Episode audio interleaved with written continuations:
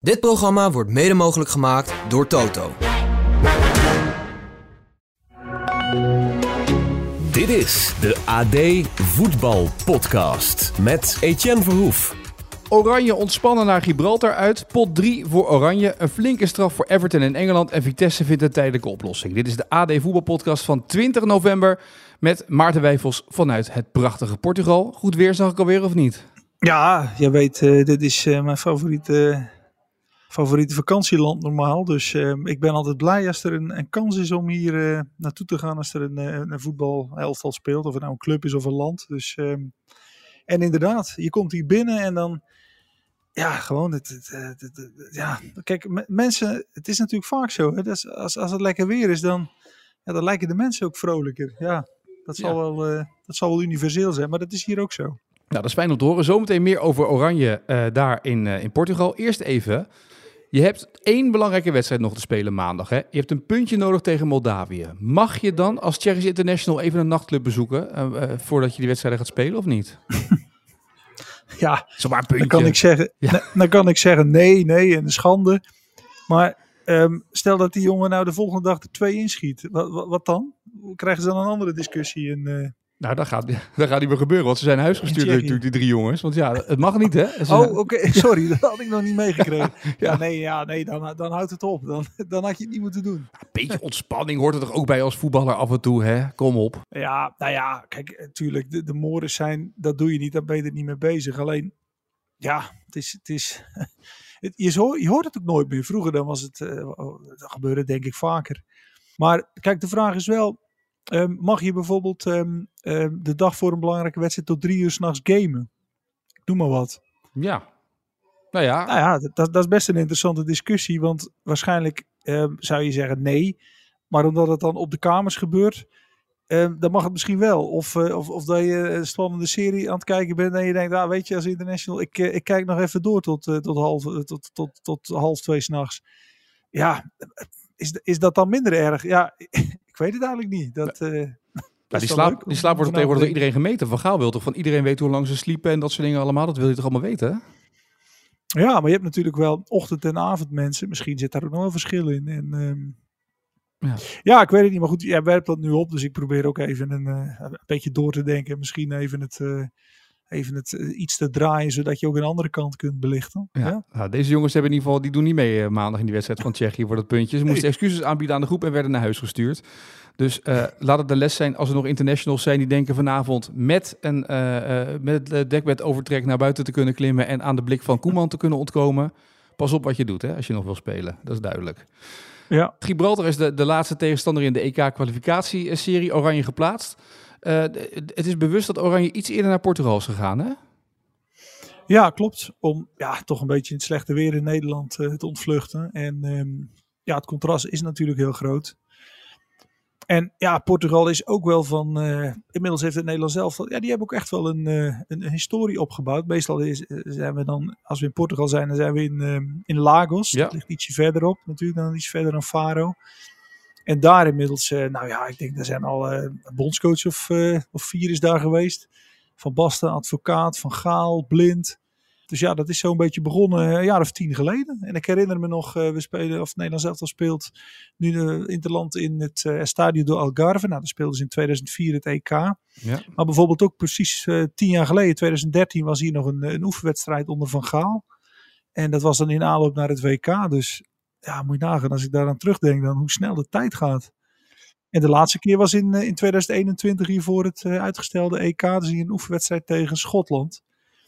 Toen was uh, Virgil van Dijk geblesseerd. Die revalideerde. Die zat toen hier op de tribune. En die mocht toen, dat vond ik zo'n beetje een sneubeeld. Die moest dan zeg maar vanaf een verhoogje praten die met wat, wat collega's spelers van Nederland zelf. Want die mochten niet bij elkaar in de buurt komen. Omdat dat nog midden in de covid-tijd was. Ja, klopt. Dus dat, ja, dat, dat was best wel een, een beetje een vreemde aanblik. Die jongen die kwam daar en, en ja, dat moest echt allemaal op afstand. Die wedstrijd heb ik trouwens een verkeerde afslag genomen op weg naar het stadion Algarve vanuit uh, Lagos. Oh. En toen heb ik Pim Ras, onze fotograaf, compleet in de zenuwen geholpen. Omdat wij bij het compleet verkeerde stadion kwamen. Je hebt daar namelijk bij, vlak in de buurt het dorpje, daar heb je ook een stadion Algarve. Maar dat was gewoon een, een dorpsclub zo ongeveer.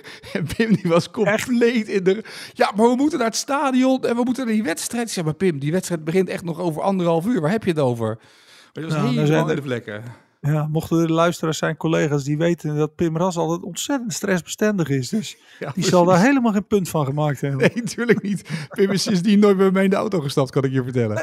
Nee. Nou. Dus dat is... Uh... Maar goed, zitten er nu dingen die je bij de training vandaag hebt gezien dat je denkt, oké, dit is nog wat Koeman wil gaan proberen tegen Gibraltar? Of is het gewoon een beetje rustig aan, een beetje uitlopen?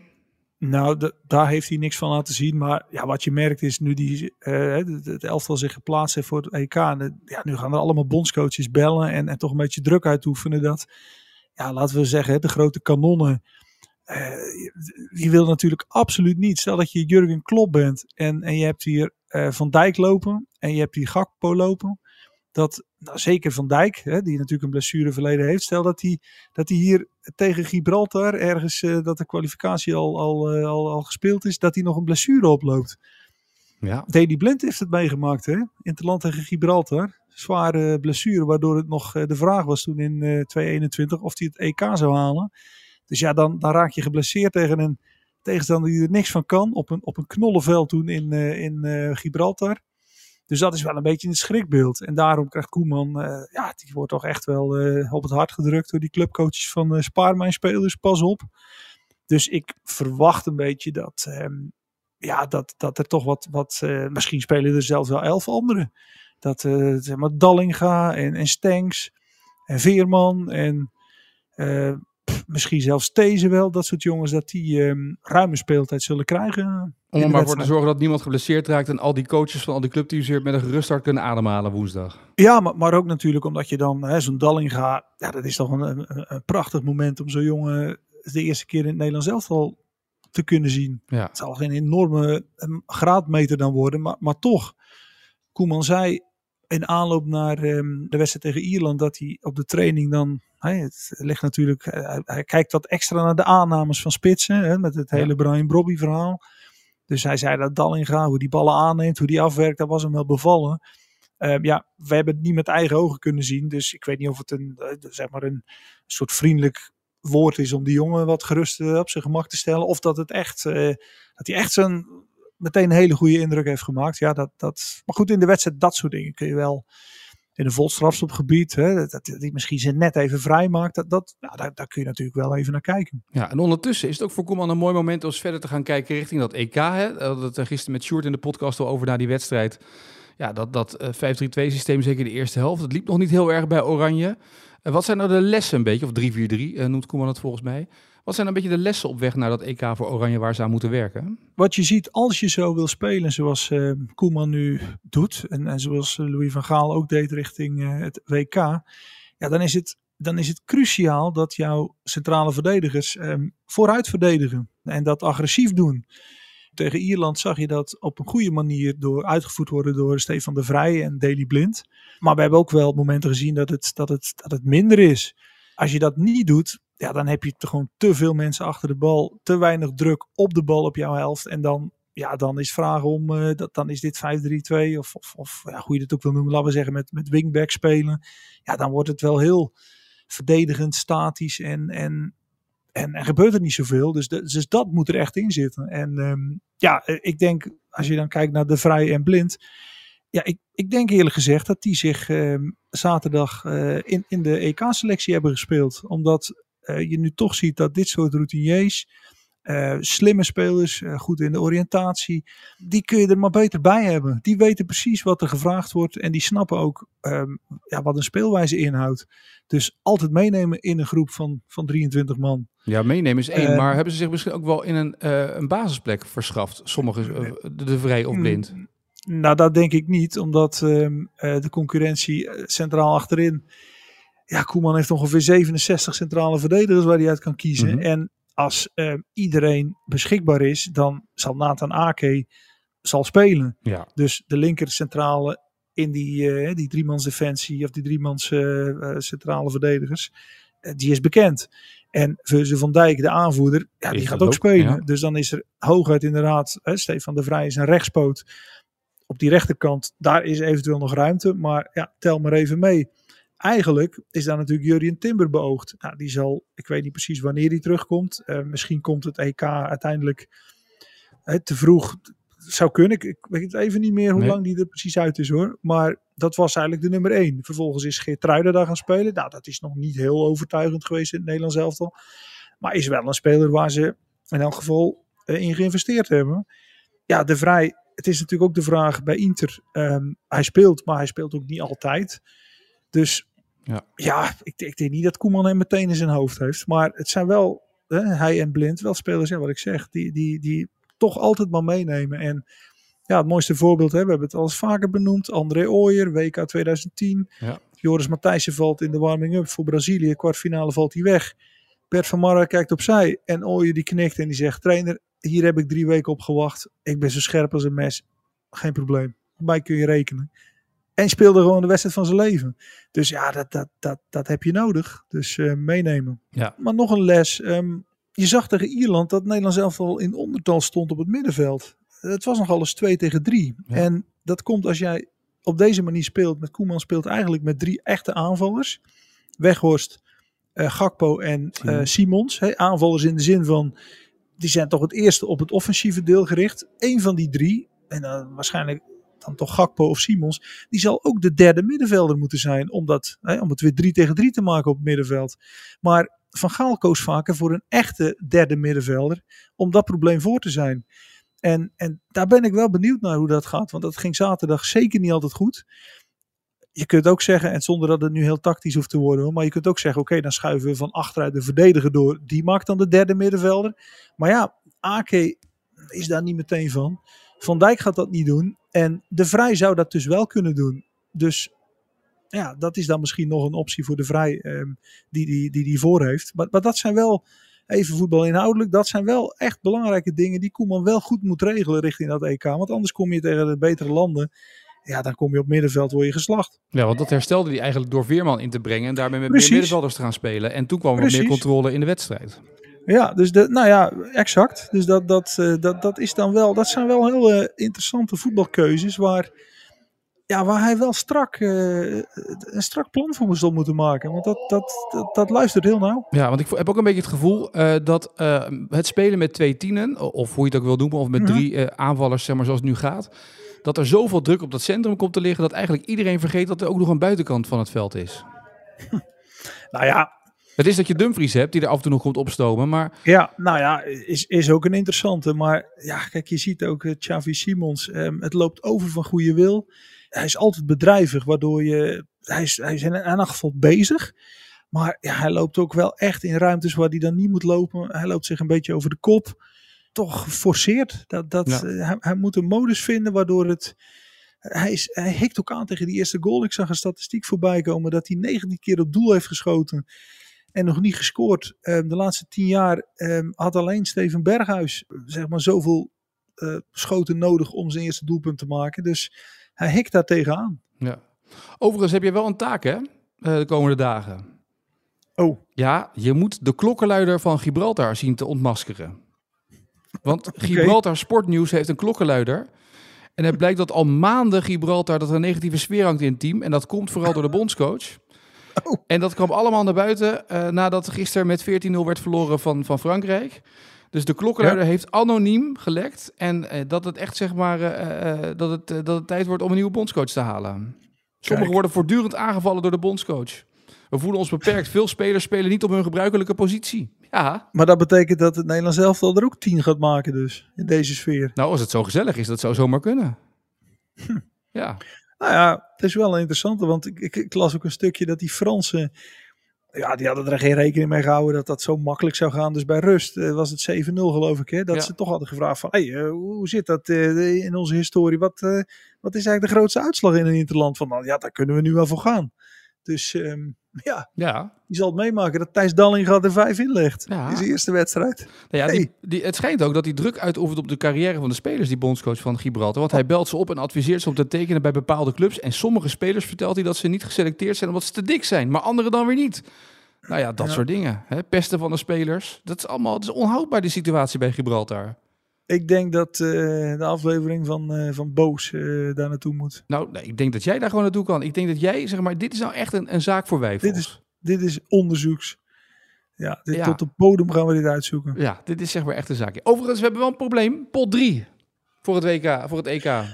Ja, dat dacht ik eerst ook. Maar ja, ik, ik weet het niet. Ja, kijk, het belangrijkste is denk ik dat bij zo'n EK met 24 landen in de pool gaan er ook drie over. Hè? Ja. Dus je moet het al um, echt heel slecht doen. Wil je daar niet bij zitten. Dus er is echt wel, wat dat betreft, wel. Um, ja, kans om gewoon door ja. te gaan naar de volgende ronde is eigenlijk uh, is best wel aannemelijk natuurlijk. Dat is de andere kant inderdaad. Ja, daar heb je ook helemaal gelijk in. We moeten ons geen zorgen maken om pot 3 eigenlijk is het. Nee, ik denk dat dat wel, wel meevalt. Stel nou dat er echt een, een sterke pool uitlo- uh, uitrolt. Ja, dan weet je ook dat het Nederlands elftal dus echt met, uh, met, dat, uh, met, met, dat versterkte verdedigingsblok gaat spelen. Ja.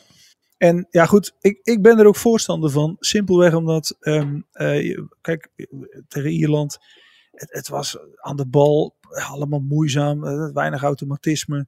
Maar um, feit is wel dat je en, en er zijn de Ieren natuurlijk ook niet goed, maar je geeft echt wel minder weg dan hiervoor. En ja, of mensen het nou leuk vinden, niet in Nederland, maar wil jij op een toernooi iets kunnen doen, dan, dan, dan begint het toch met gewoon uh, zo min mogelijk weggeven. En ja, als wij een, een, een topvoorhoede zouden hebben, ja, dan kun je het accent wat meer naar voren leggen, maar dat is gewoon niet zo. En ja, we hoeven het weer niet helemaal te herhalen hoe het Nederlands elftal ervoor staat. We, we, zijn geen top, het is subtop en die zul je moeten aanpassen en gewoon moeten zorgen dat je, dat je in elk geval um, in eerste instantie zo weerbaar mogelijk bent. Je moet gewoon het land worden uh, waar niemand graag tegen speelt. En waarom niet? Omdat je gewoon stug verdedigt, uh, op eigen helft, druk op de bal.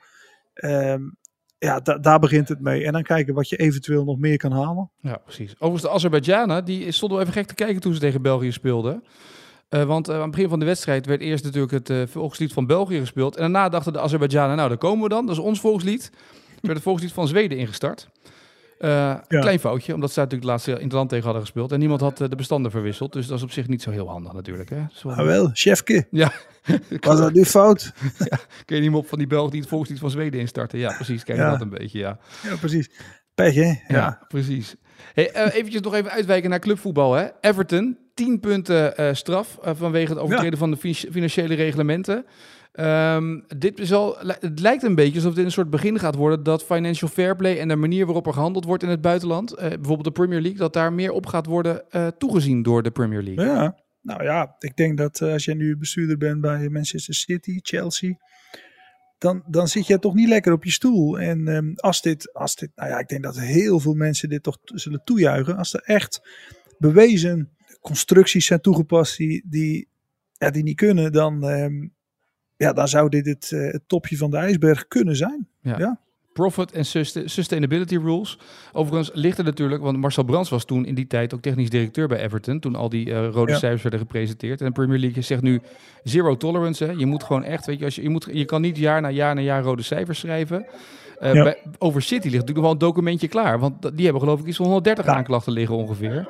Ja, zeker. Maar goed, ik herinner me, jij noemt Marcel Brands nu, toen hij bij PSV terugkwam. Toen, ja, toen vertelde hij ook. En trouwens, ik heb hem ook eens een keer geïnterviewd ten tijde van zijn, uh, zijn periode bij Everton. Mm -hmm.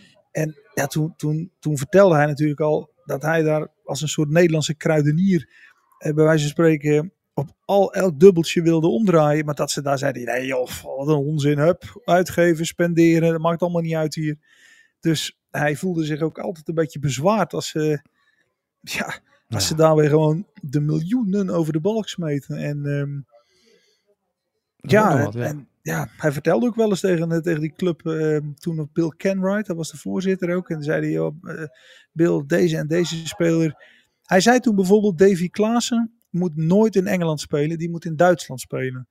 Davy Klaassen is geen speler voor de Premier League. Dus, dus hè, had dat nou niet gedaan, uh, hou je nou je geld in, in, in je zak. Want, want uh, het zegt niks over of Davy Klaassen een goede of een slechte speler is. Maar sommige spelers die, ja, die gedijen gewoon beter in een ander soort competitie. Ander ritme, andere tactieken, andere fysiek ook. En, en dus ja, ik denk dat Brons dat wel geprobeerd heeft, maar dat het daar gewoon Ja. ja, het maakte er allemaal niet uit. En, en ja, daar worden ze nu voor gestraft. Ja, de City, ik moet goed zeggen, 115 aanklachten zijn er nog. Chelsea moet ook rekening houden met een flinke tik van de Premier League. En Britse juristen denken aan directe degradatie of puntenvermindering van, van een stuk of 30 punten. Uh, maar als je dit op een rijtje gaat zetten, er zijn ook mensen die zeggen, ja, het is een beetje flauw dat ze nu met Everton komen. Dat is een beetje de zondebok. Daar gaat het helemaal niet om. Dat is een kleine vis ten opzichte van, van, van de grote vissen. Ja, maar je zou ook kunnen redeneren, juist door dit nu te doen, dan is dit nu een voldongen feit. Ja. En van hieruit kun je bouwen. En als, het, als je begint met City, oh, dan, dan komt er zoveel over je heen. Dan, dan wordt dat zodanig aangevoegd dat het misschien... Nu is er een soort bodem gelegd waardoor, waarop je kunt bouwen. Dus ik, ik ja... Ik, Presidentwerking een beetje. Ja, ik denk dat dat, uh, dat misschien juist in dit geval wel logisch is. Dat je hiermee begint en dan het uitbouwt. Ja. Overigens sprak jij, uh, even in Engeland te blijven, met, met Marcel Bout. Uh, die gaat nu aan de slag bij Newcastle ja. natuurlijk. Maar die werkte in het verleden bij Manchester United. En die zei eigenlijk in dat interview met jou...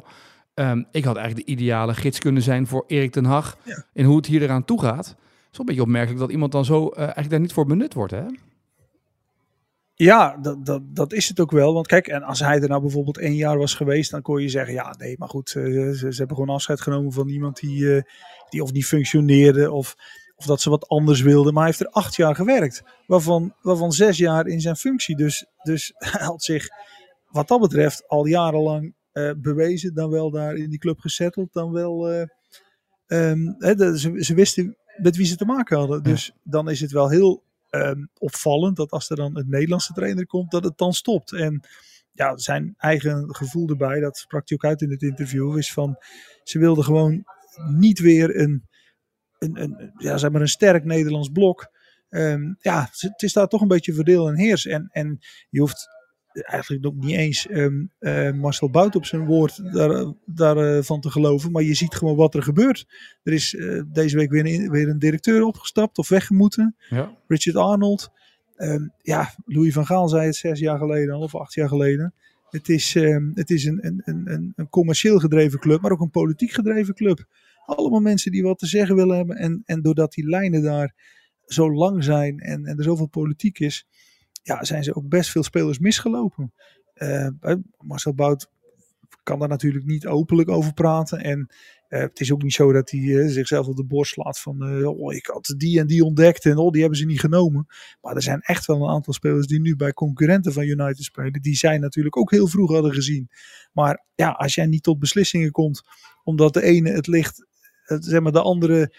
het licht niet gunt binnen zo'n organisatie, of het licht in de ogen niet gunt, mm -hmm. ja, dan, dan is het toch wel, uh, ja, dat is wel, wel voor die club wel een slechte zaak. Ja, en zonder eigenlijk toch ook dat dat, dat, dat goed geweest als je met twee Nederlanders dat ze elkaar een beetje op weg kunnen helpen. Nou ja, precies, maar ja, zo werkt het dan niet. En, en ja, Ten Hag is daar natuurlijk ook al een paar keer tegen aangelopen. Hè? Dat, dat, er, dat er op het transferfront dat dingen bleven hangen. Um, ja, dus uh, United, ik kan nou niet zeggen dat die een geweldige selectie dit seizoen hebben. Terwijl de, de, financiële mogelijkheden er echt wel zijn. Maar ja, de glazers stellen ook een bepaald transferbudget beschikbaar. Dat is dan ook weer gelimiteerd.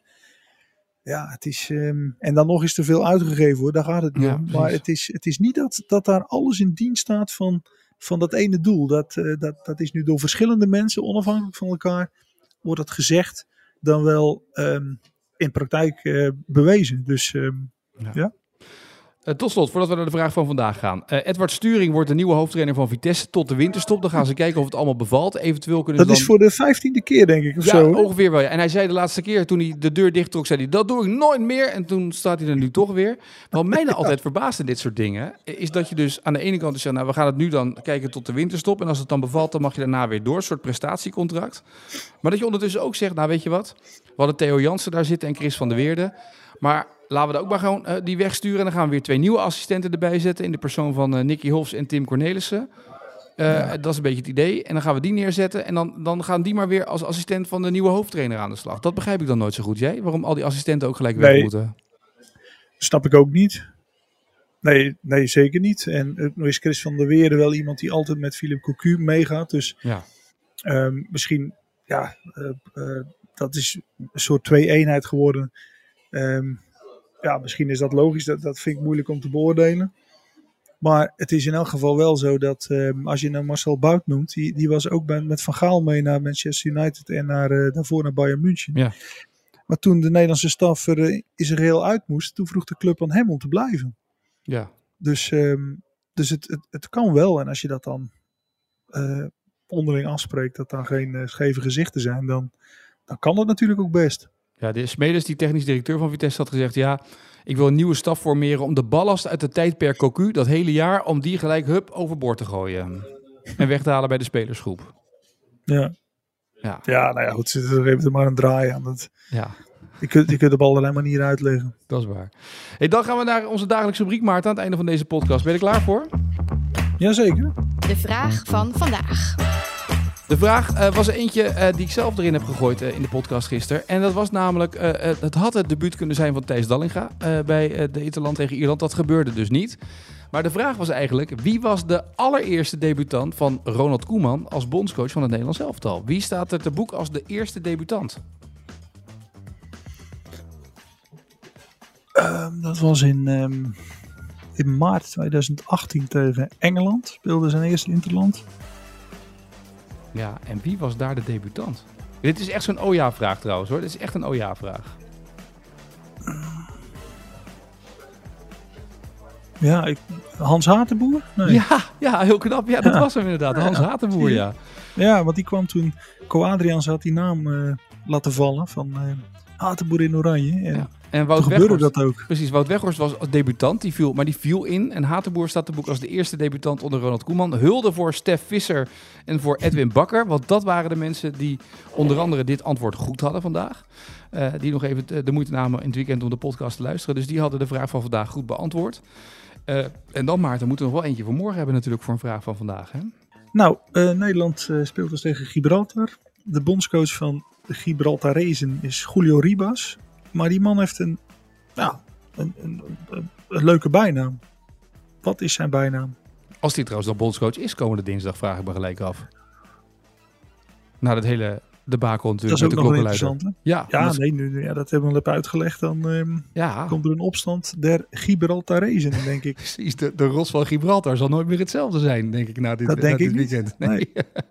nou goed, ja. mocht jij de bijnaam weten van Julio Ribas, uh, de Uruguayaanse bondscoach uh, van, uh, van, van Gibraltar, laat het vooral weten via X met de hashtag AD Voetbalpodcast of doe het via Instagram door mij een berichtje te sturen. En wie weet ben je morgen wel de eervolle vermelding of win je wel een mooie prijs. Dat zou zomaar kunnen.